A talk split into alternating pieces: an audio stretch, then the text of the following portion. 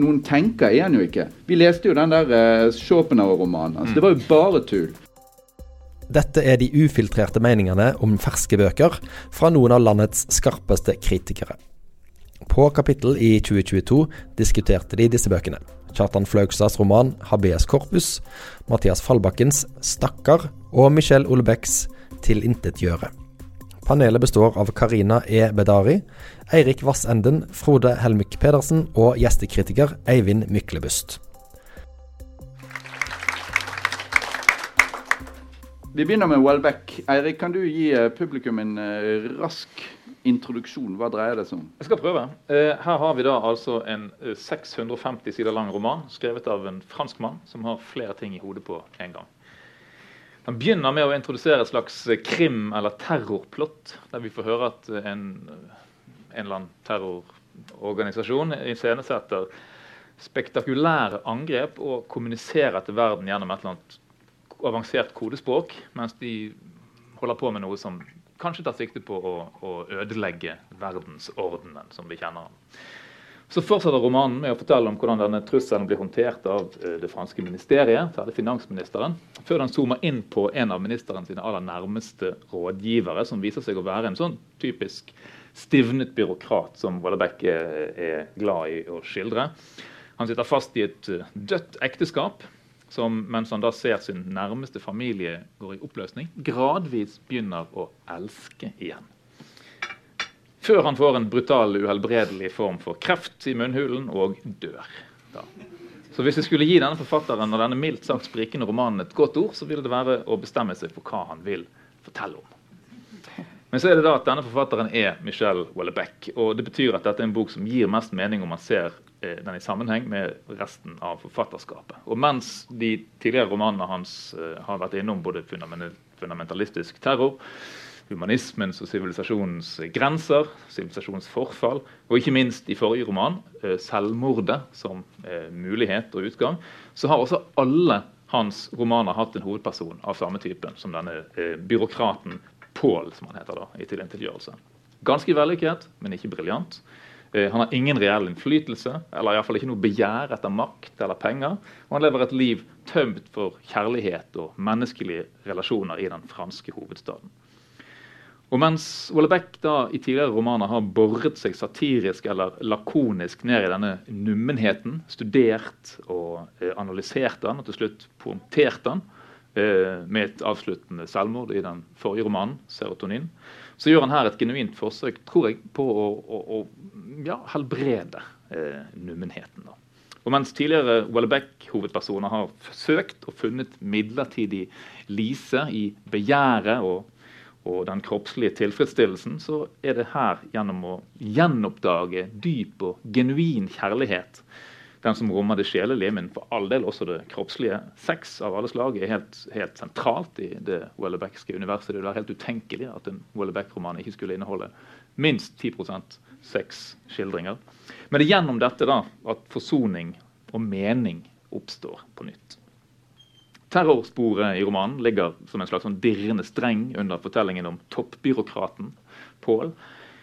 Eh, Terroristene legger ut hyperavanserte digitale meddelelser. De sprenger et transportskip fullastet med kinesiske varer. Eh, samt en dansk fertilitetsklinikk. Romanen er lenge inne på et sånn økoterroristspor, som også finner en slags gjenlyd i at uh, Paul sin kone Prudence, som hun heter, har blitt en slags vikka-prestinne. Altså denne eh, heksereligionen, da. Og Det dreier seg også her da, om sameksistens mellom mennesker og eh, naturkreftene. Mange av sidesporene rommer en form for sånn, kulturkritikk eller samfunnskritikk, samtidskritikk, samtidssatire, som vi kjenner fra tidligere Wallebeck-romaner. Særlig eh, skildringen, portrettet av konen til broren til Paul. Eh, men, men ja, alt som er galt med pressen og mediene og, og, i vår tid, blir liksom stilt ut til skue og, og latter her. Men ingenting av, av eh, disse mange sporene hindrer at romanen dykker hardt og dypt ned i eh, et av de spørsmålene som ligger lengst fremme i bevisstheten til enhver aldrende mann. Eh, hvor lenge vil du leve, og hvordan vil du dø? Og Her presenteres vi for en rekke alternativer. Selvmordet, hjerneslaget og den uttrukne vegetative tilstanden i kjølvannet, utsatt for et helt umenneskeliggjort omsorgsvesen, eller kreften. Alle disse er vonde, og det gjelder å handle, og handler om å finne mening før døden inntreffer. Ja, ja så du um, Vil du stille oss et spørsmål sånn i utgangen? Vil du, vil du gi en dom? Som aldrende, mildt aldrende mann så må jeg si at jeg finner dette, jeg finner dette litt provoserende fordi den er altfor alt for lang. Uh, men det er jo bare fordi du skulle rekke denne kvartetten? Nei, den er for lang. Den er for lang. Men, men jeg finner den også rørende, bevegende og, og, og god. da. Ja, okay. Men det er ikke det som dødsroman? Den er best? Egentlig. Jo, ja, absolutt som dødsroman. Den best. Og, og, veldig mye av dette andre er sånne, sånne sidespor mm. som, som, trengs for å bygge opp en slags sånn spenning, eh, men som også, som også fører oss litt på vidvanke som lesere. Da. Lurer oss litt. Ja, jeg er helt enig. Den kunne i hvert fall vært 200 sider kortere, minst. Uh, jeg syns også den er ganske god som familieroman, altså. Fordi den uh, Altså, denne her eh, politiske uh, thrilleren i starten, liksom, den er jo um, Det er egentlig overraskende at den er så lite spennende, da, syns jeg. Fordi den Det går bare for sakte, da. Det er massevis av thrillerelement og terrorisme og greier som egentlig skal være spennende, men det, blir liksom um, ja, Jeg er i hvert fall ikke veldig interessert når jeg leser det. Men så med en gang den skifter inn i dette mildere, litt mer sånn menneskelig, menneskevennlige sporet, så er jeg egentlig veldig fascinert. da. Og det er jo um, um, Det er jo på en måte faren til hovedpersonen sin uh, situasjon som gjør at uh, han, Pål og kona begynner å nærme seg hverandre igjen. Uh, så der syns jeg liksom den spinner noen veldig fine tråder, egentlig. Ja, men Hva mente du, Karina? Du mente, du mente den kreftdelen som var den beste? Ja, egentlig hele sykdomsdelen. Og, ja. Men at uh, altså jeg vet ikke, jeg, jeg, kan ikke si sånn, oh, akkurat det skulle vært kuttet vekk, men som helhet så føles det litt for uh, langt, rett og slett. Jeg vet ikke. Ja.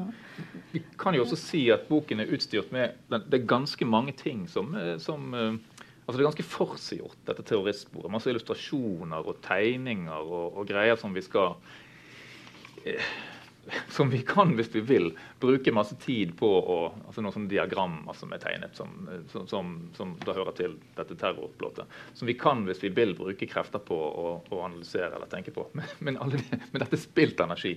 For det fører, akkurat det fører ingen steder. Men på en måte er det, ja, kan bare si at det er veldig realistisk overfor idet du blir rammet av kreft, så bare forsvinner alt av den politiske verden og samfunnet rundt, og så handler det bare om deg og din sykdom og din familie og å overleve eller dø, liksom. Så det er jo en grunn til at det er sånn. Men det er også litt irriterende. Og noen dilemmaer. sant? Skal du operere? Skal du mm. bare gå med cellegift? Vil du leve med uten tunge? Det er jo det han ikke vil. da. Han vil ikke leve uten tunge. Det er jo et slags sånn Litt symbolsk, kanskje. Kanskje. Ja. men jeg vet ikke om eh, Altså, det forsvinner jo liksom ut av romanen, men det, det er jo et eller annet med disse her eh, eh terroraksjonene når de driver og nøster i dem, så det blir jo på en måte kobla til denne her eh, mystisismen og okkultismen da, gjennom noen pentagram og diverse. Og det, det, er jo egentlig med hele veien til slutten. Fordi eh, kona til Paul Prudence hun er jo eh, ja, som du sa, i denne Wicca-religionen som jeg vet veldig lite om. Eh, men det er jo noe med det gåtefulle der. da. Han eh, Paul ligger jo liksom på, på dødsleiet og leser Sherlock Holmes. Så jeg tenker at den, den tar med seg uh, et eller annet der. Um, men jeg vet ikke, ja, jeg, jeg syns kanskje ikke det lander så Jeg vet ikke om jeg skal røpe det, men det er noen tanker om reinkarnasjon mm. på slutten. liksom. Det er ikke så veldig mye å røpe, egentlig.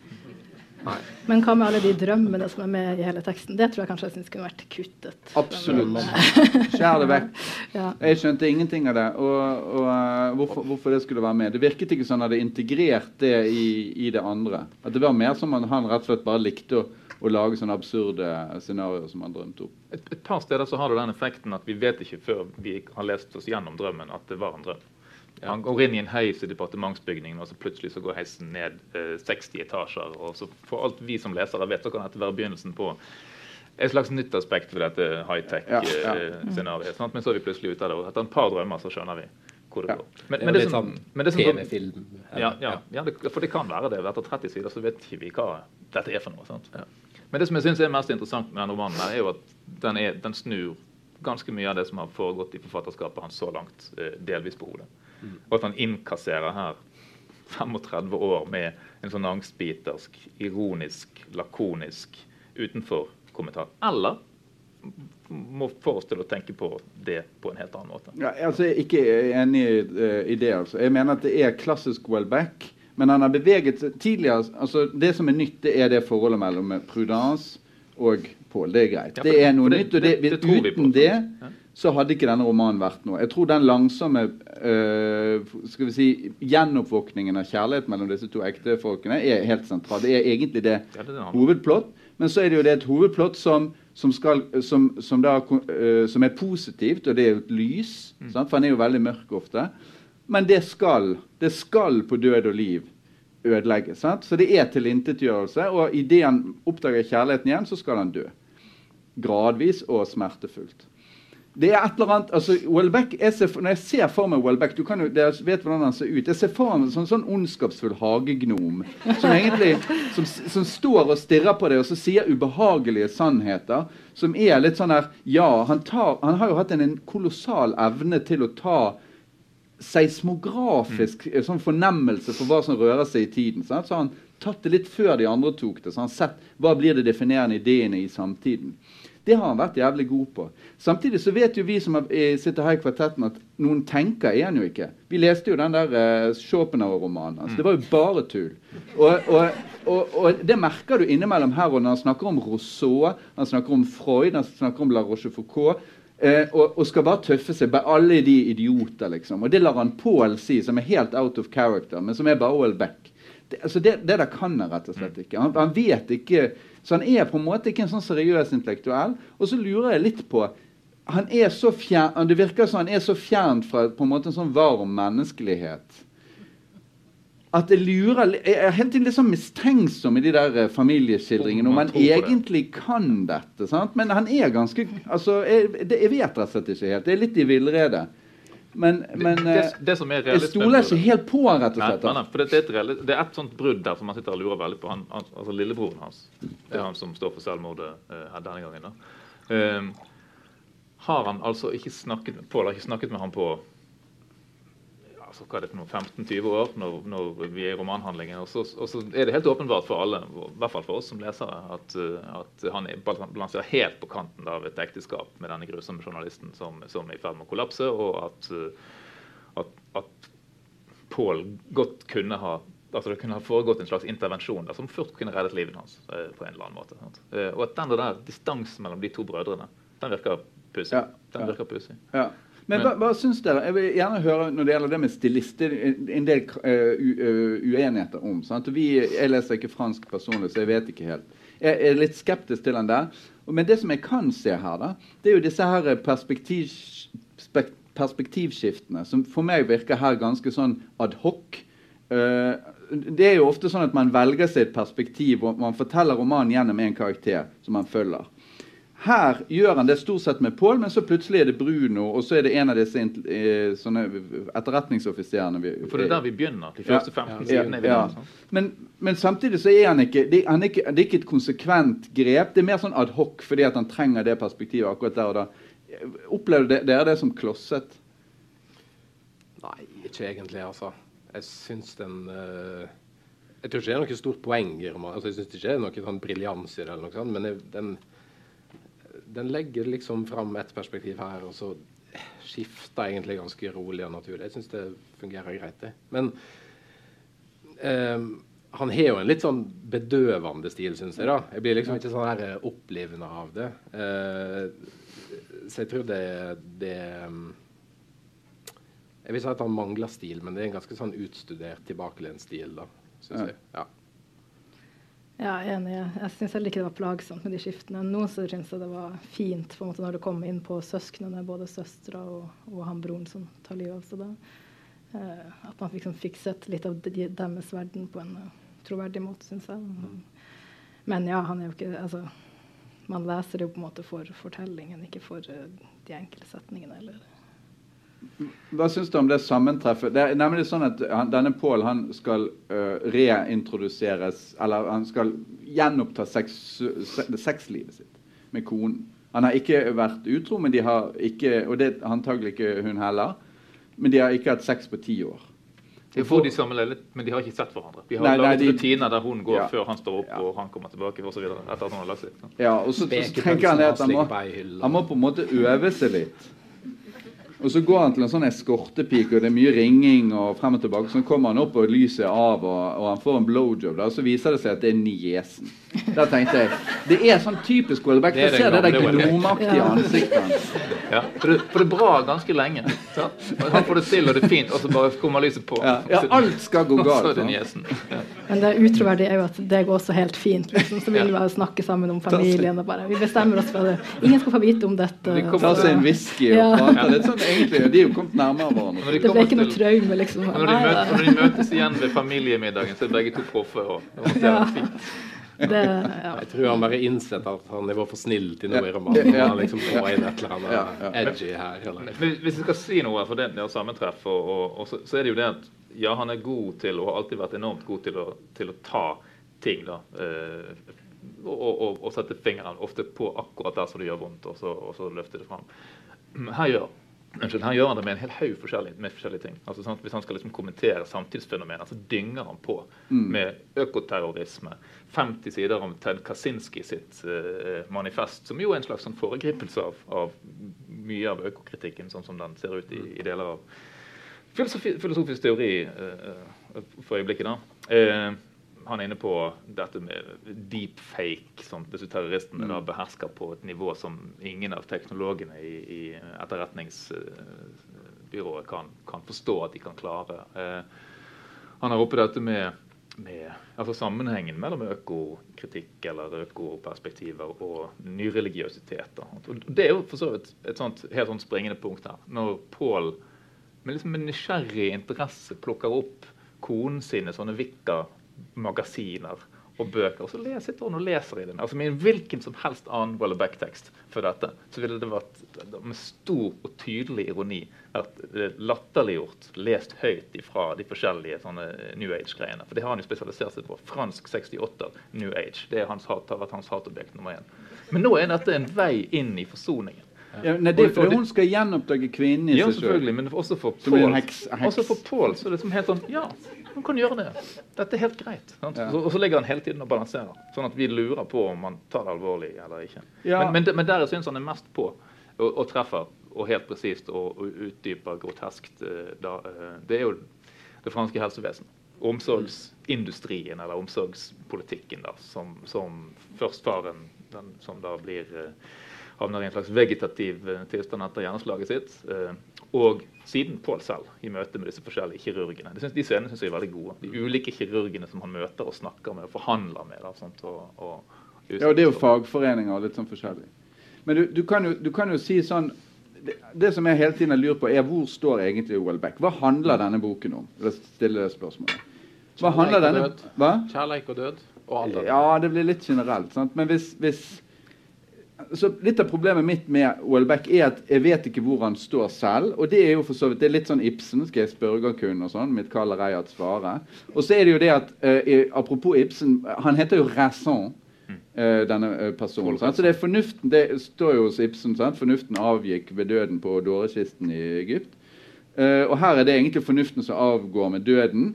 Og Welbecks generelle syn på, på verden synes meg å være kynikerens syn, og det har vært i mange år. Og så har han en viss sånn lengsel etter det menneskelige. Men det er et eller annet med at du har kynisme. Du har kritikk i alle retninger. Så har du kynismen, som egentlig blir den gjenværende plattformen. Og så har du bare en sånn der lammende depresjon. Og som, som her er inkarnert i det der langsomt død av kreft. Mm. Uten håp, liksom. Men er det ikke noe liksom verdikonservativt med synet hans? Ja, Det er mulig, men jeg er ikke helt sikker på det. Hva er, hva er i så fall det, da? Jeg vet ikke, men uh, Hvilke verdier? en annen ting jeg også tenkte på, var at uh, det var en artikkel i Morgenbladet når boka kom ut, som var liksom sånn uh, Han ble anklagd for høyreekstremisme i, i Frankrike fordi ja. romanen sympatiserer bare med folk som er langt på høyresida. F.eks. han er svigerbroren til Paul. Han er jo en sånn høyreekstrem, identitær med i den bevegelsen. Og det blir aldri liksom, ironisert. Nå og svogeren og mm. søsteren stemmer ja, jo Le Pen. sant? Mm. Og de har kontakter med et, et, en slags motstandsbevegelse som har spesialisert seg på å hente ut pasienter som lider da i groteske helsevesentilstander, mm. og hjelpe dem med med aktiv dødshjelp. da. Som en slags, som en slags høyreradikal bevegelse som driver med aktiv dødshjelp som uh, aksjonisme. Altså, jeg, jeg, Han fremstår iallfall ikke som opprørt over disse høyreradikale. Det gjør han iallfall ikke. Nei. Men eh, det, jeg syns jo alt er gjennomsyra av en ironi her. Liksom. Så jeg leser det der som litt sånn at han provokativt tar stilling med det. da. Mm. Det, eh, ja. Jeg vet ikke, jeg bare tenkte at kanskje det ser veldig annerledes ut hvis man leser den som, eh, fra innsiden av det franske samfunnet. da. Ja. Det gjør det opplagt. da. Men, men altså, uansett hvor man leser det fra, så, så kommer man ikke forbi det at dette er det er en, eh, en gammel og uh, aldrende mann som, som, som, skildrer ulike dødsscenarioer. For seg selv og for uh, leserne. Og kanskje også for det franske samfunnet.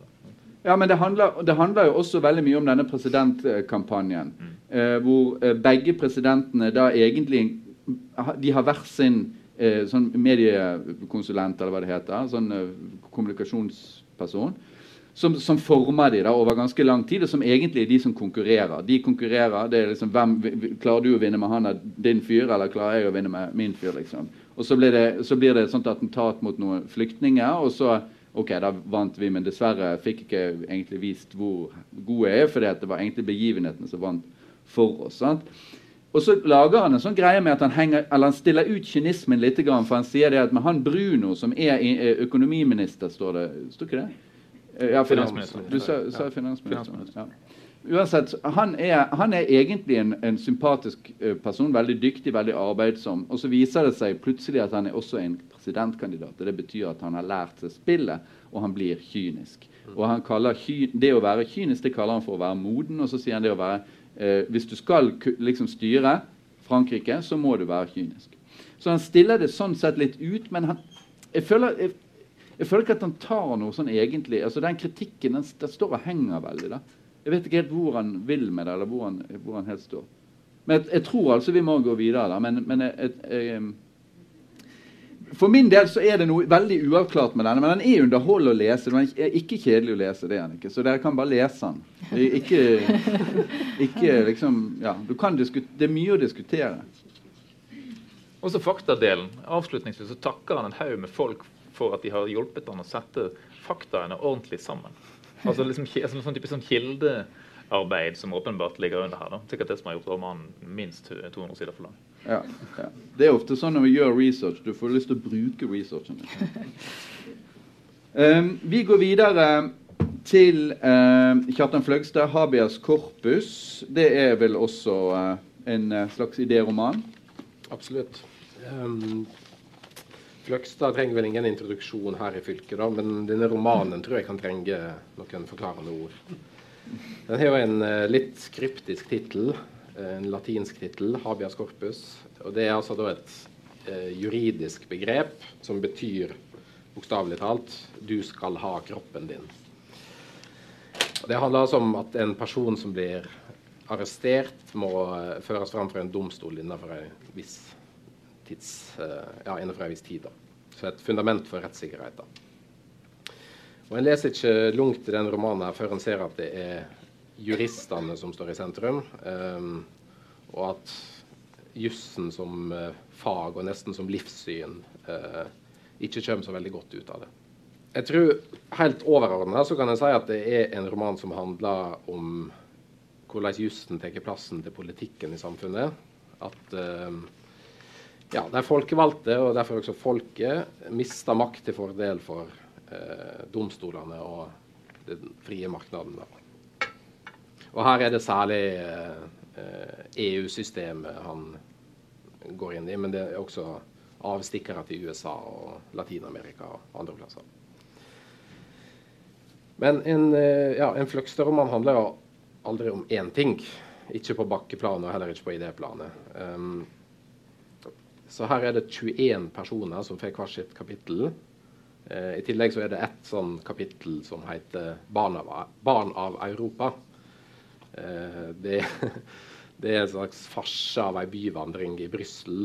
Um, som i hvert fall jeg tolker til at det skal liksom kaste litt lys over de andre kapitlene.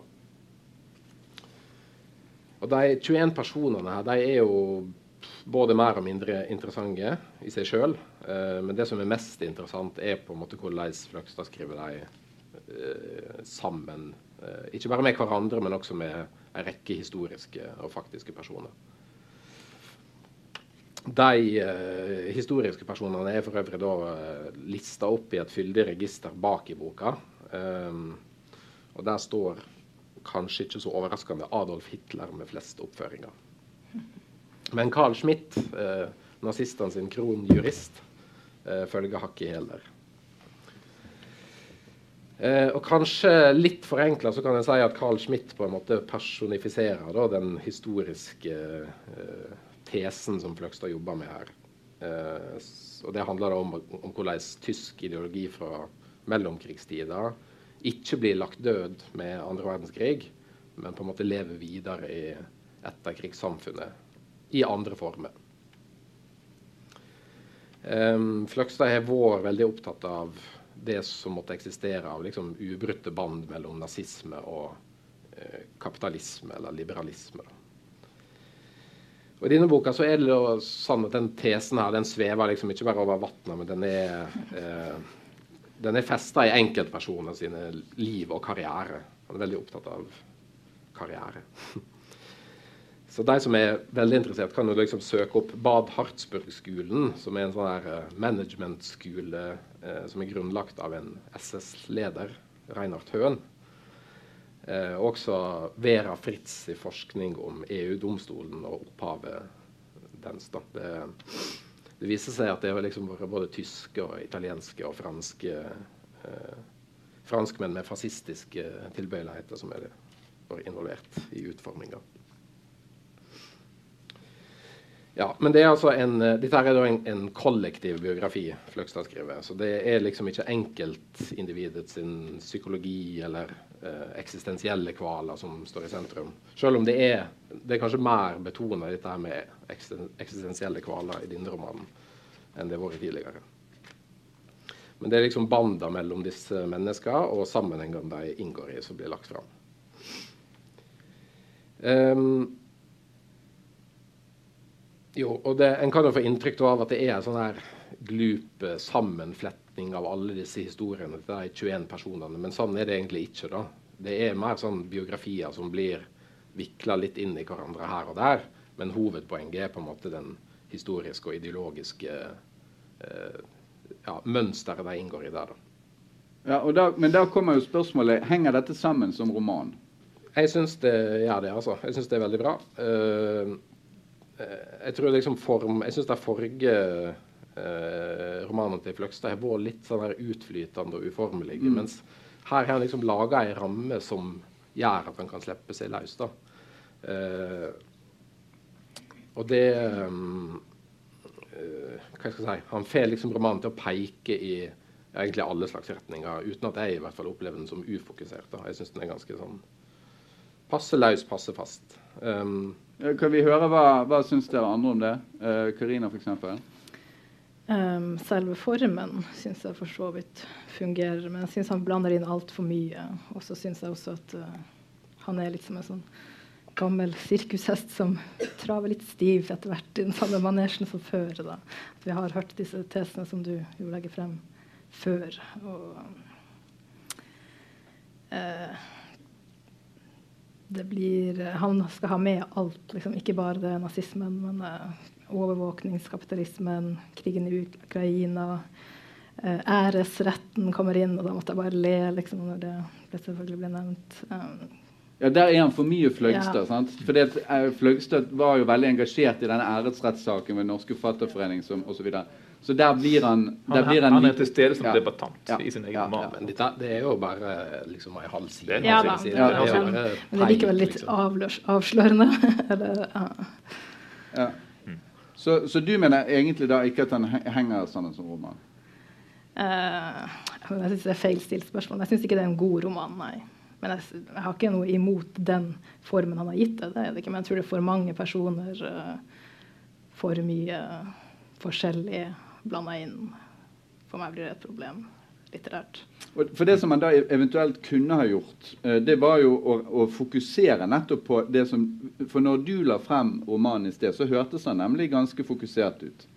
Eh, hvis det hadde vært en ren, eller mer rendyrket fokus på jussen og jussens rolle i det 20. århundre, hvordan den, altså, hvordan den går fra at du sitter jurister og, og, og styrer Det tredje riket, eh, altså Nazi-Tyskland, eh, som da etter, etter, hvert blir sånne menneskerettighetsjurister i, i eh, Jurister. sant? At ja, Nazidomstolen sin lov, lovverk blir premissene for ja. EU-lovverket osv. Ja, hvis det bare hadde vært det, og ikke blandet inn alt mulig annet, så hadde det vært, så hadde det vært litt tettere rammer rundt den. Ja, men det kunne vært oppdelt i sånn person, person, person. Ja, det kunne det. Ja. ja, for det er en kollektivroman, og kollektivromanen er jo, er jo godt egnet for, for dette. Sant? Ja. Ja, men jeg syns også at det lyser litt for mye forakt gjennom i skildringene av de enkelte. Da. Du skjønner med en gang hvor han vil. Liksom. Det er unntatt kanskje han der Juan, uh, gruveingeniøren som liksom nesten er et alter ego for Fløgstad. Ja, det er en person som er tysk-fransk, ja. nei, tysk-spansk, og ja. som ender opp i Finnmark mm. som en sånn uh, først gruve Eh, altså, Ingeniør. Ja, ja, og så blir gruven lagt ned, og så, blir han, sånn, så har han en gåsefarm inni en eller annen finnmarksfjord. Så blir han en slags fritenker som skriver mm. eh, ville leserbrev på begge sider av eh, det intellektuelle jernteppet, så å si. Det er, han, er jo veldig, han er jo en sånn sjølkritisk impuls i seg, da, men det, det, jeg syns det er ganske fint gjort egentlig at han liksom vender litt kritikk innover, men klarer å sparke utover samtidig der. det er et ironisk selvportrett. Ja, jo, kanskje. Og den eneste som er skildra med liksom sympati, da.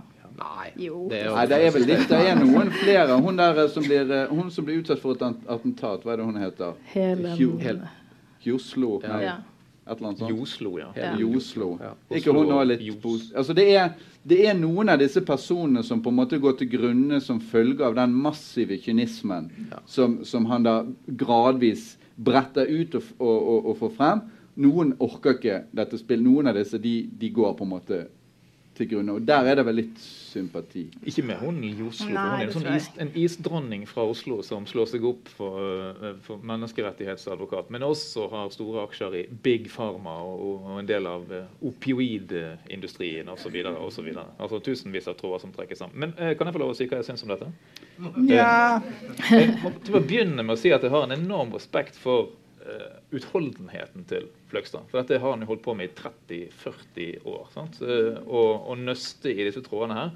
Og å uh, ja, forsøke å forstå og kritisere og henge ut alle som da representerer kontinuitet fra disse totalitære ideologiene. Fascismen i Sør-Amerika, i, i, ulike kolonier i Afrika, i nazismen i Europa. Eh, og den liksom, voksende eh, skepsisen til og angsten for sosialisme i alle sine former. Altså, den, den jo, det har jo vært hans kjepp, kjepphest. Sant? Altså at Sosialistene er nå de, det er så å si politisk pariakastet. Mm. Eh, og så er det her, det han holder på med her, er å føre til torgs en slags katalog over eh, alle mulige eh, bånd mellom Nazi-Tyskland og alt det som da er så å si, i sentrum av eh, verdens liberale, såkalt liberale eh, politiske eh, eh miljøer. Om det da er amerikansk eh, næringsliv, kapitalisme, militær, om det er europeiske politikere i det hele tatt. Så, er det da alltid, er forbundet med en eller annen som har sittet sentralt plassert i Nazi-Tyskland på et eller annet sted. Og, og, og, så er det da Problemet med dette som romantekst er, er at de første 150 sidene er en. Sånn katalog. Det, er disse navnene bang, bang, bang, bang, som, som presenteres med med helt sånn umiskjennelig fløgstadsk diksjon. Sant? Hvis det er et ordspill på en mils uh, omkrets, så bare går han rett på det med en gang. Det er vel ikke så mange ordspill her? Ja, de, de, er der overalt. Uh, men, men, i begynnelsen Men det er vel ikke ordspillet som er problemet her? Nei, nei, nei. I begynnelsen, i begynnelsen er ikke det plass til ordspillene, for katalogene er så tette og, og navnrike. Og, og, ja, men det er jo biografier. Kompakt, det er biografier. men, men det blir, også blir det mer og mer romanaktig jo lenger ut i romanen Mener du da fiksjon? Ja fiksjon, ja. fiksjonalisert og fortellende. Og, og, og, der, og, der, dessverre kanskje også mer og mer uinteressant. Altså jo lenger ut i historien vi kommer. For, det, for det, jeg sitter helt med, og jeg er helt med eh, når han ruller opp dette portrettgalleriet sitt av, eh, av skikkelser som jeg, eh, som jeg, hvis jeg vil, kan google opp. Og hvis det andre, andre kan jeg ikke google opp, fordi det har han funnet på. Sant? Men, eh, men jeg er ikke så interessert i Helen Joslo og disse norske eh, industrigründerne som han dikter opp, og ikke egentlig er så interessert i heller. Så jeg syns ikke dette funker så godt som en roman. Nei, men altså, Jeg er jo litt enig, og det oppfatter Karina er også. Men, men, men, samtidig er det jo interessant, og det er jo verdt å lese det. og uh, syns, syns jeg Det altså, det er jo et stort idétilfang, tross alt. Uh, det går i litt vel mange retninger, også, men den, han tegner opp noe som ligner litt på Welbeck på én måte. Selv om for, den store forskjellen på Welbeck og Fløgstad er at Fløgstad er tydelig, mm. klart plassert. Men det han mangler i denne romanen, som han pleier å ha, det er jo den positive karakteren som pleier å være en industriarbeider fra Sauda. sant? En som bærer, ly en som bærer lys. Ja, ja, som bærer, som, bærer ja, som, som, er liksom det som vi egentlig, samfunnet vi egentlig skulle hatt, som vi mm. inkarnerer. Mm. Her er den figuren vekk. Det han har, er jo denne Hva var den het nå igjen? Juan, Juan eller Johan. Richelieu. Juan eller Johan. Spansk. Ja, ja. Reichenau. Reichenau var det. Reichenau Samora. Ja, og han der er det et sånt utopisk register. Ja, men det er veldig Det er litt deprimert. fordi ja, ja. at han skal, han skal, til slutt gå under jorden. Og det han gjør da, det er jo at han, han forsvinner ned bokstavelig talt i disse gamle gruvegangene og blir bare vekk.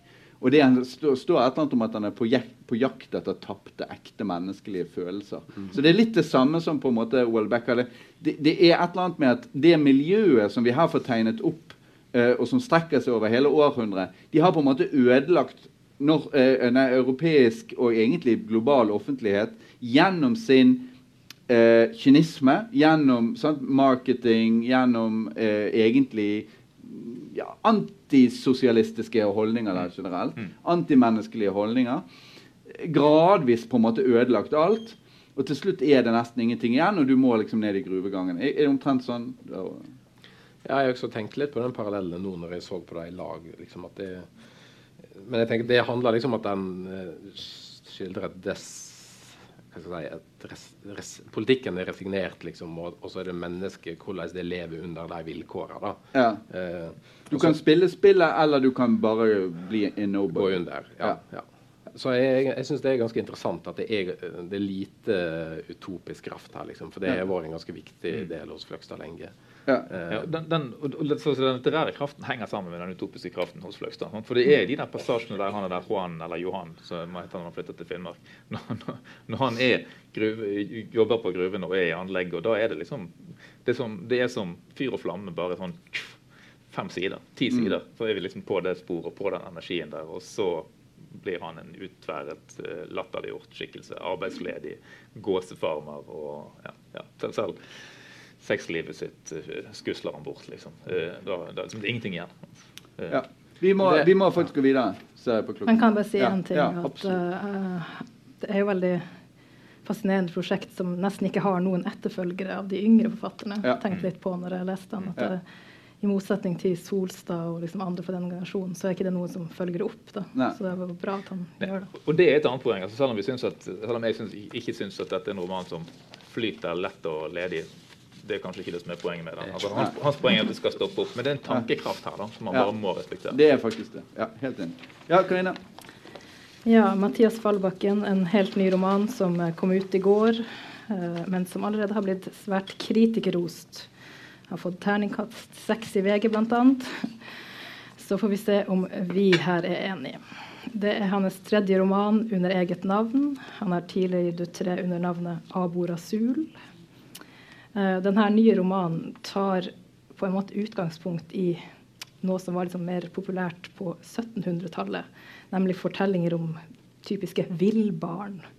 Uh, barn som blir liksom funnet ute i skogen, kanskje har vokst opp blant dyr eller helt isolert, og som ikke har hatt noe kontakt med den menneskelige verden, og derfor ikke har språk eller eh, på et eller annet måte er et naturbarn eller et dyr. Da.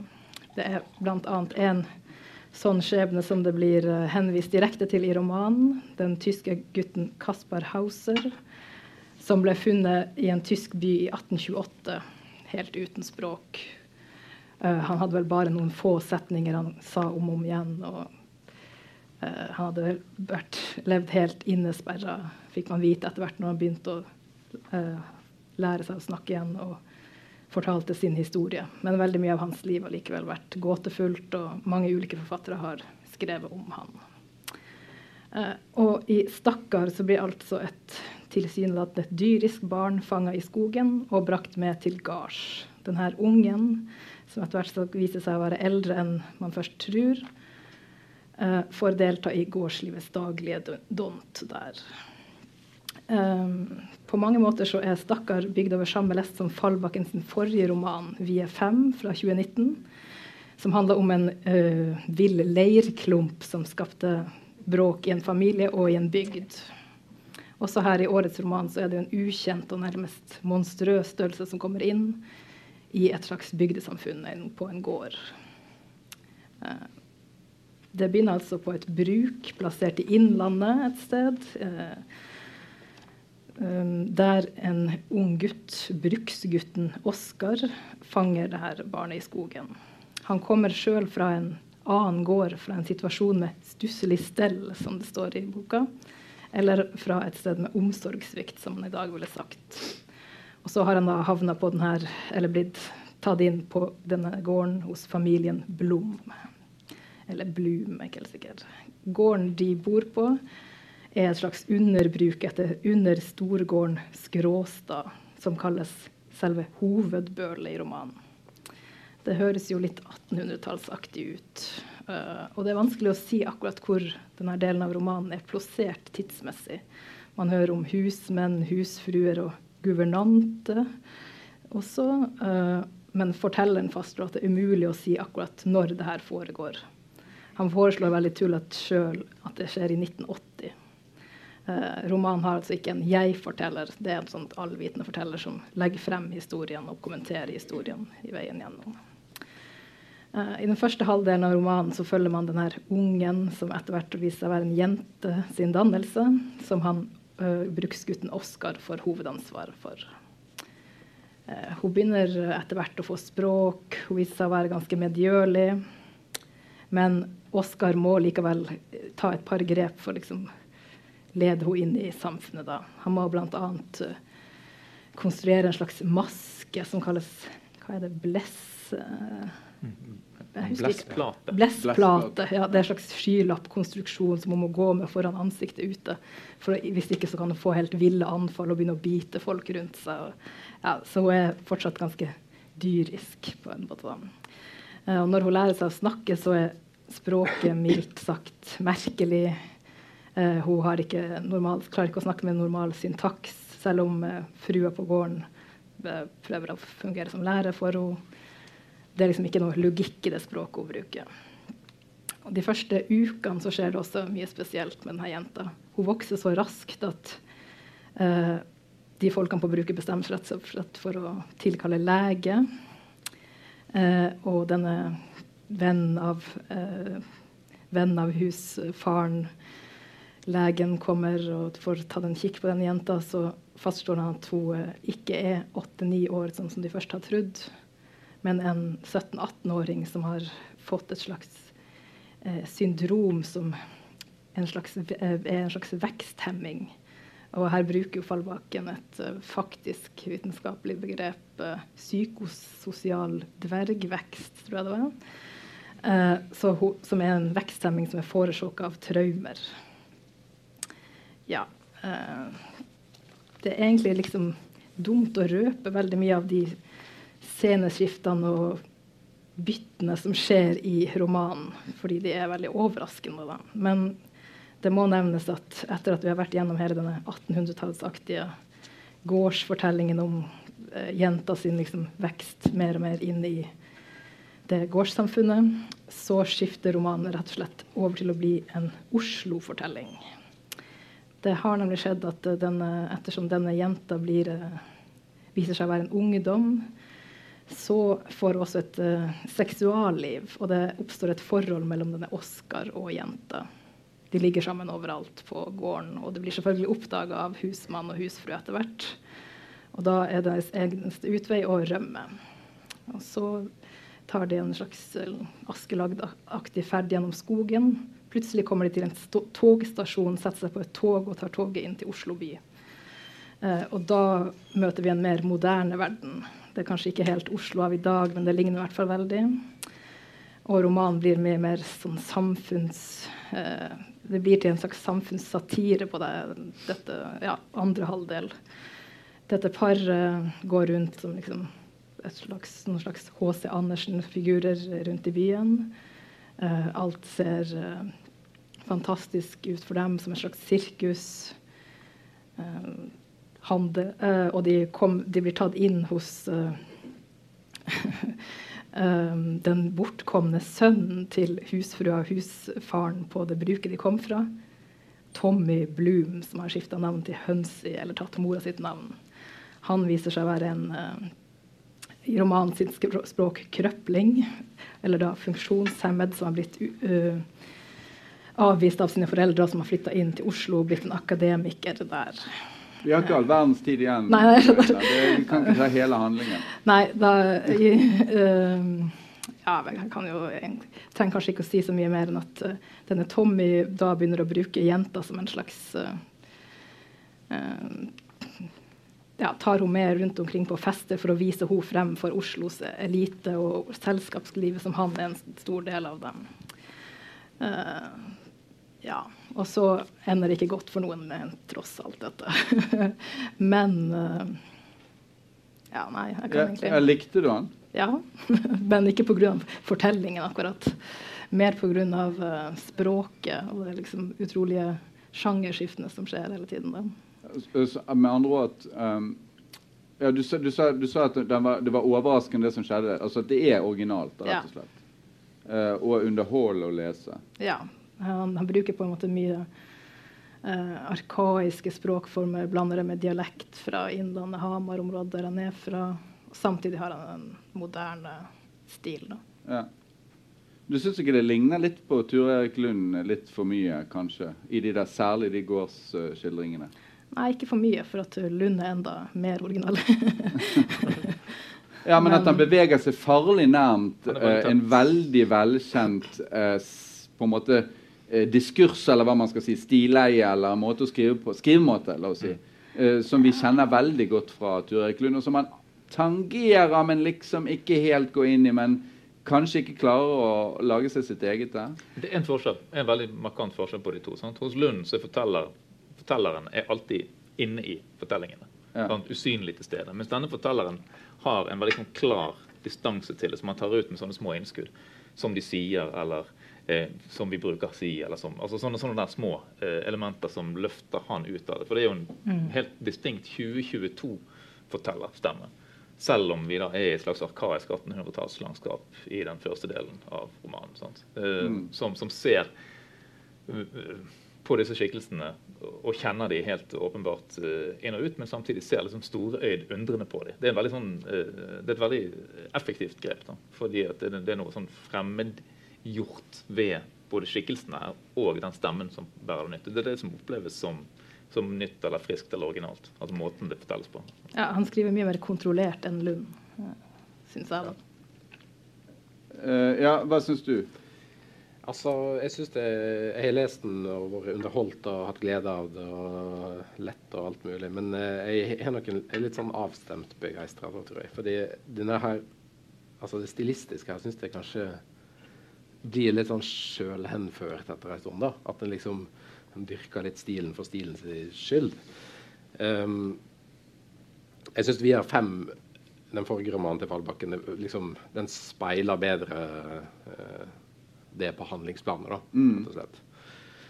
Og så, Det blir liksom når hver setning skal lades med sånne her eh, små ord som stiller deg litt skeivt, gjør deg litt vittig, litt underfundig, så blir det litt tilgjort etter hvert, kanskje. Og her ja, er det sånn... Ja. Vil, vil, dere høre et lite eksempel på det? Altså, det er noe sånne små, veldig kort. Ja, Beskrivelsen okay. av Oslo. Kontoriseringen var ellevill. Kontorene lå som en tykk hud rundt fettranden som var handelen med sin glans og nimbus, og under der igjen bykjøttet, som var gatelivet.